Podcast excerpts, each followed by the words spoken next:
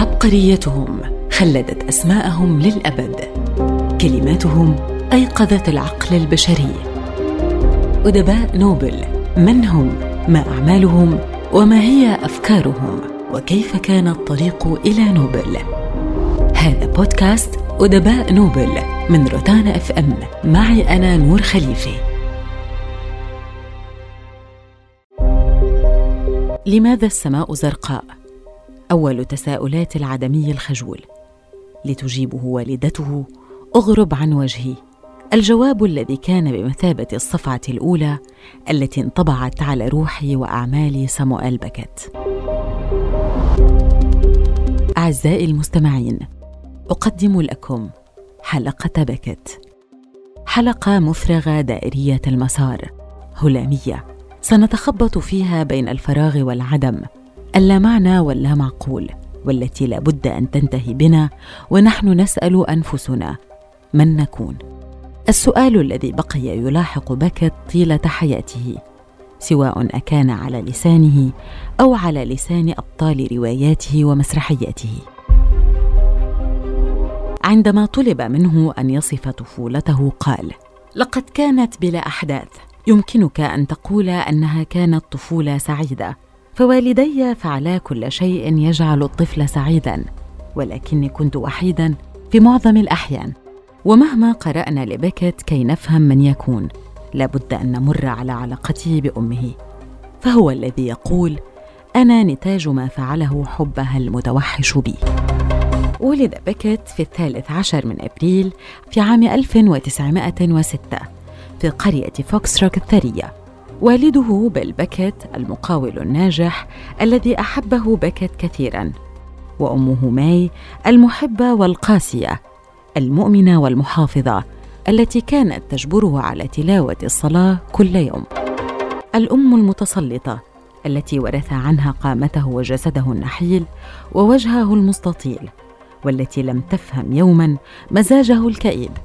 ولم تستطع أن تجيب على أسئلته إلا بصفعات ولدت لديه مشاعر كثيفة من القلق والذنب حتى أنها كانت تخفي كتابه الأول بعيدا عن أعين الزوار فقد كانت من عائلة برجوازية بعيدة عن الأدب والثقافة لذلك نشأ بكت ووجد نفسه غريبا فاختار حياة بوهيمية وجعل من نفسه كاتبا مثقفا وعظيما.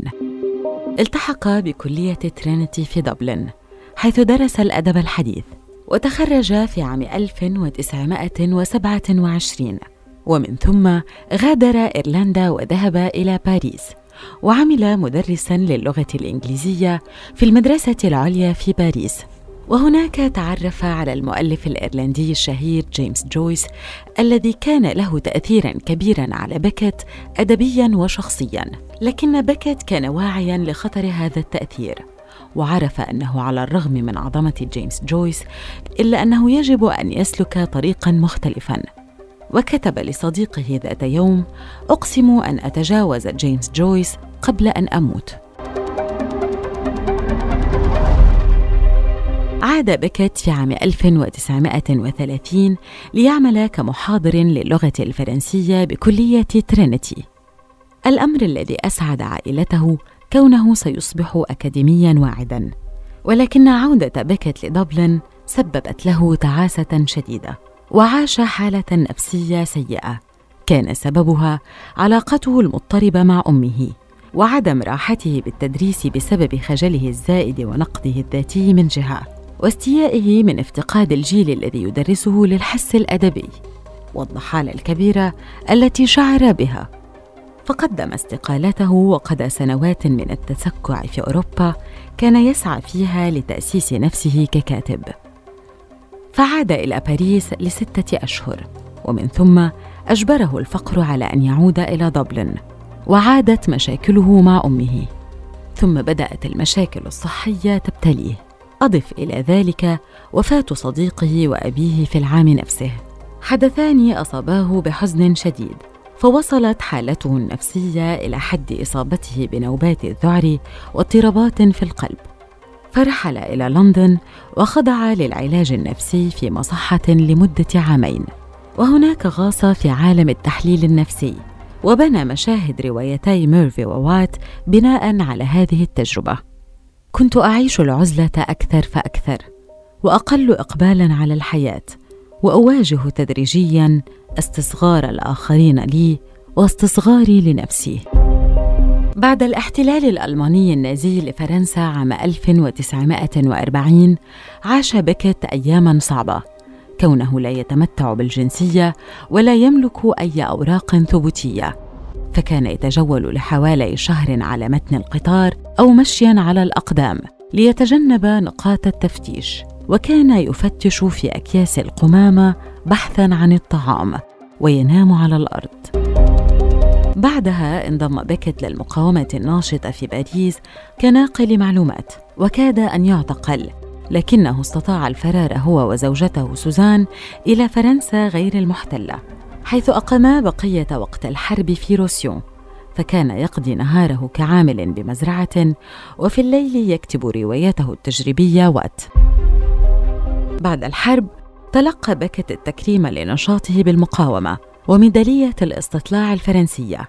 وتجاهل بكت تلك الفترة من نشاطه في المقاومة وأطلق عليها بعض أعمال الكشافة. الحب الأول الذي عرفه بكت كان في السابعة عشر من عمره مع طالبة تدعى إتنا ماكارثي التي كانت تكبره بأربع سنوات وقع بكت في حبها. ولكن هذا الحب ظل من طرف واحد فهي كانت على علاقات متعددة لكن بكت ظل يحبها ويلتقي بها حتى علم بأنها أصيبت بسرطان الثدي. فراح يبحث عن أفضل طبيب كي يعالجها. وذات مرة وصلته رسالة منها تطلب منه أن يوافيها إلى دبلن لتراه قبل موتها. وعندما عاد إلى باريس أرسل لها باقة من بنفسج بري مع رسالة قال فيها ليس هذا سوى قلبي امنحك إياه. يدي في يدك. وبعض بنفسجات برية ما كنت لاقطفها من مخابئها لأحد سواك. الحب الثاني بيجي سينكلر وهي ابنة خالته لكن هذه العلاقة لم ترق أمه مايا وذكرته أنها ليست على علاقة طيبة بشقيقتها وكان موقف أمه منها ومن أمها عائقا داخليا لم يتمكن من تخطيه. وعندما بلغه نبأ وفاة بيجي بعد إصابتها بمرض السل أصيب بحالة من الكآبة الشديدة. الحب الثالث كان الأشد غرابة ومأساوية. لوسيا جيمس جويس ابنة صديقه الكاتب الشهير جيمس جويس. راقصة محترفة يتملكها مظهر غامض. ولكن ما فاجأ سامويل أن لوسيا كانت تعاني من حالات نفسية صعبة فهي غير متزنة وتقوم بتصرفات غير متوقعة مما جعله يبتعد عنها مختلقا حججا مختلفة. لم تتحمل لوسيا الصدمة فأصيبت باكتئاب عميق ما دفع والدها إلى تأنيب سموآل وصرفه من مكتبه. لكن جويس اعترف لاحقا بمرض ابنته النفسي ومعاناتها من الشيزوفرينيا. وبعد خيبات عاطفية حاولت الانتحار ثم أدخلت مصحة وظل بكت يراسلها حتى وفاتها. بيجي جوغنهايم التي تعرف إليها في مقهى فوكس الشهير في باريس مثلت حبا رهيبا في حياة بكت حبا عاصفا باللذة والجنون. أمريكية مثقفة تهوى جمع الأعمال الفنية حذرته منها نورا زوجة صديقه جيمس قائلة له: إنها ملتهمة رجال. في ليل السابع من يناير عام 1938 كان بيكت يمشي في الثالثة فجرا مع صديق له وزوجته على جادة أورليان الباريزية عندما هاجمه قواد في الحي وطعنه في صدره بالسكين. هذه الحادثة كادت تودي بحياته ونجا منها بأعجوبة فالسكين كاد أن يلامس القلب وكان لها أثر عميق في حياته. فلولاها لما كان تعرف إلى سوزان التي أصبحت زوجته.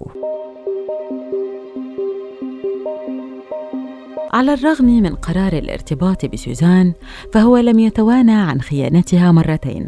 مرة مع الأمريكية باميلا ميتشل التي زارت باريس لتحصل منه على حقوق تقديم بانتظار جودو في برودواي وعندما غادرت باريس كتب لها يقول أحبيني ولكن قليلا.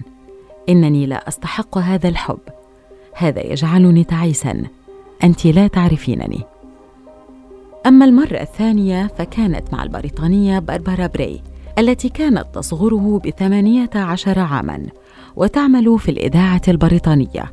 لكن مثل هاتين الخيانتين ما كانتا لتؤثرا في حبه لسوزان. وفي العام 1961 قررا الزواج. بدأت صحة بكت بالتدهور جدا عام 1986 مع بدايات انتفاخ الرئة ليتوفى في مستشفى سانت آن بباريس من فشل رئوي في عام 1989 وذلك بعد موت سوزان بأقل من ستة أشهر وبعد جنازة خاصة صغيرة دفن بجانبها في مقبرة مونبارناس بباريس وأوصى أن يكون ضريحه رمادياً. ربما أكثر ما يعبر عن امتناننا لبيكت هو ما قاله عنه المسرحي الكبير هارولد بنتر يكفيني أنه الكاتب الأكثر شجاعة. وكلما سحق أنفي في البراز أكثر ازداد امتناني له أكثر وأكثر. عندما نتكلم عن بيكت لا يمكننا أن نحصر موضوعاته بالمعاناة الإنسانية والموت والعزلة بل تجاوزها إلى اللامعنى. فموضوع الفن الحقيقي عند بكت هو المأزق اللاموضوعي للوجود حتى أنه رفض تماما أي علاقة له بمسرح العبث أو بالأحرى بالتعريف المحدود للعبث الذي يقول أن الوجود الإنساني تافه وبلا معنى. يقول أنا لم أقبل ابدا بفكرة مسرح العبث هذا المبدأ الذي يتضمن حكم قيمي إنه ليس من الممكن حتى أن تتكلم عن حقيقة. وهذا جزء من المعاناة. يمكننا القول أن بكت عدميا وليس عبثيا. ذلك أن العدم لا يمكن التعبير عنه بأي صورة من الصور. فالعدم ليس ظاهرة وجودية أو تجربة يمكن أن يعيشها الإنسان مباشرة كالخوف والقلق.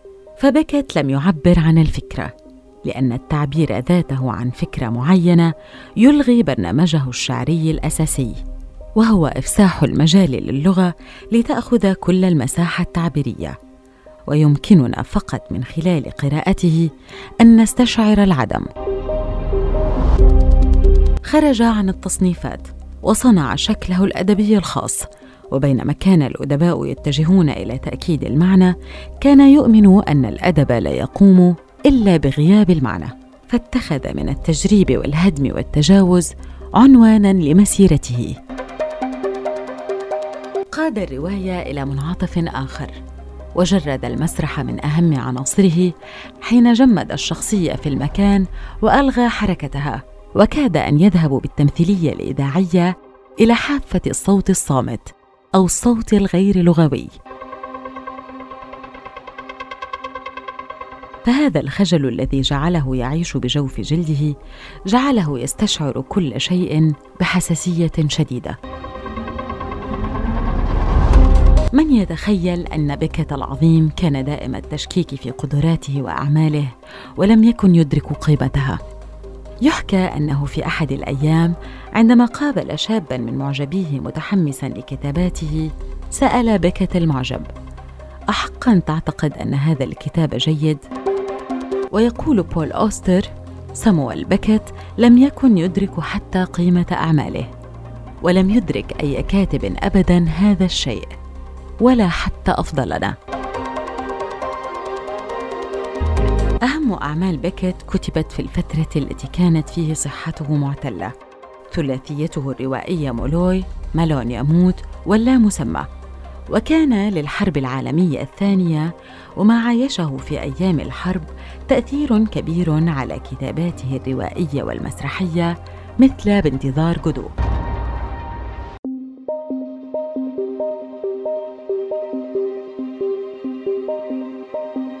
عام عام 1956 طلب منه البرنامج الثالث في البي بي سي أن يكتب مسرحية إذاعية. فوجد متعة بإيجاد مكان فني مختلف يعبر فيه بإبداع جديد. فكتب مسرحية كل الساقطين التي تدور أحداثها في فوكسروك حيث كانت طفولته ومحورها الهروب. فبطل المسرحية هانري يهرب من الواقع إلى الذكريات ومن الذكريات إلى الخيال لا أشخاص فقط أصوات وكلمات. كتب بيكيت نصا مسرحيا قائما على الصوت وتكررت التجربة الإذاعية. وفي وقت لاحق كتب الجمرات والأيام السعيدة. ومن هذه التجربة راح يركز على الصوت أكثر في أعماله المسرحية. وهو الشيء الذي يعكس امتنانه للتجربة الإذاعية. قوبلت رواياته بلا مبالاة ونقد شديد فكان النقاد يدعونه إلى الكتابة بوضوح والكف عن اصطناع الغموض والتنكر وراء ذكرياته عن زمن الحرب حينها أحس أنه غير قادر على الاستمرار في كتابة الرواية فدخل في دوامة نفسية قاسية وأصبح مفرطا بالشرب. وبعدها قرر أن يلتجئ إلى المسرح. وقال ذات مرة لقد عودت الكتابة المسرحية بوجه الخصوص لكي أخفف من وطأة الاكتئاب الرهيب الذي قادني إليه النثر. لقد بدت لي الحياة وقتها جد متطلبة وفظيعة إلى حد كبير وفكرت في أن المسرح قد يشكل انفراجا ما بالنسبة لي. وتعتبر مسرحياته شريط كراب الأخير الأيام السعيدة بانتظار جدو نهاية اللعبة من أهم مسرحياته. حتى أن أعماله النثرية التي كتبها فيما بعد اتخذت شكلا مسرحيا مقتدبا مثل الرؤوس الميتة وتخيل لقد ماتت المخيلة.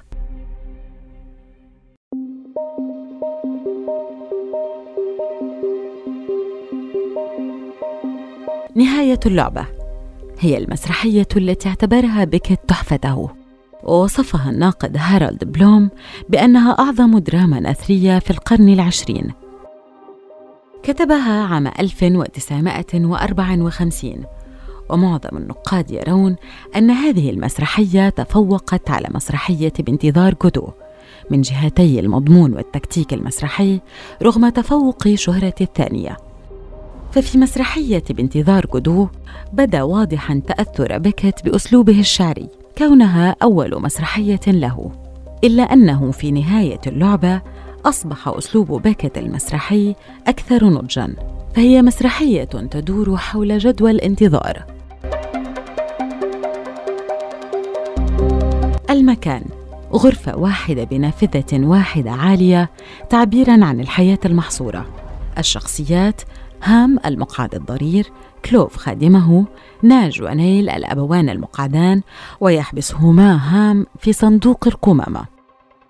نهاية العالم في لحظاتها ما قبل الأخيرة. لم يتبقى في هذا العالم إلا الشخصيات الأربعة. يأمر هام كلوف بأن يضع أبويه في صندوق القمامة ليتخلص منهما. إنه يبحث عن آخر مسافة للبقاء حتى الرمق الأخير. الأبوان سيموتان قريبا. كلوف يخدمه وينفذ أوامره من باب الشفقة فهو يعلم أنه الباقي الأخير في هذا العالم والكل موتى خارج المبنى. يرى شخصا بمنظاره فيأمره هام بأن يقتله. سيموت الكل ويبقى كلوف الناجي الوحيد من هذا العالم المليء بالجثث. ثم يواجه كل الموتى ويموت كما قال له هام. لن يكون معك أحد. فراغ لا نهائي يحاصرك وكل الموتى يبعثون من كل العصور. فلا يستطيع سد هذا الفراغ ولن يكون هناك من يشفق عليك. وتنتهي المسرحية بخروج كلوف من المكان لتحقيق نبوءه هام الحوارات في نهاية اللعبة أشبه بلوحات أو صور شعرية. شخصيات تشعر بالملل وفراغ الحياة من المعنى وكأنها تعيش في الموت. يقول بكت عن لسان إحدى شخصيات المسرحية أنت على الأرض ولا يوجد علاج لذلك. فالنهاية هي البداية ومع ذلك نمضي ونستمر واللعبة هي الحياة ونهاية الحياة في بدايتها. ومع ذلك نستمر في هذه الحفلة ولا نجاة في الموت. فالموت ليس نقيض الحياة. بل حدها الأقصى. شخصيات تعيش حياة خالية من المعنى وتعلم أنه لا سبيل في خلاصها حتى في الموت لأن الوجود كله بما فيه الوجود الإنساني عديم الهدف عبثي المضمون.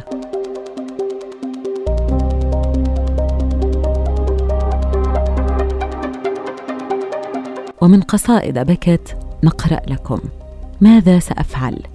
من دون هذا العالم الذي بلا وجه غافل غير مبال حيث ثمة نهايات ولكن ثمة برهة حيث كل برهة تراق في الفراغ في جهالة أن تكون بلا هذه الموجة حيث نهاية المطاف ينحشر الجسد والظل معا.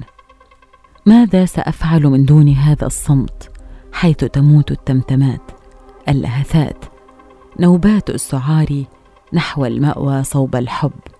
دون هذه السماء التي تحوم فوق غبارها الطافح حصى.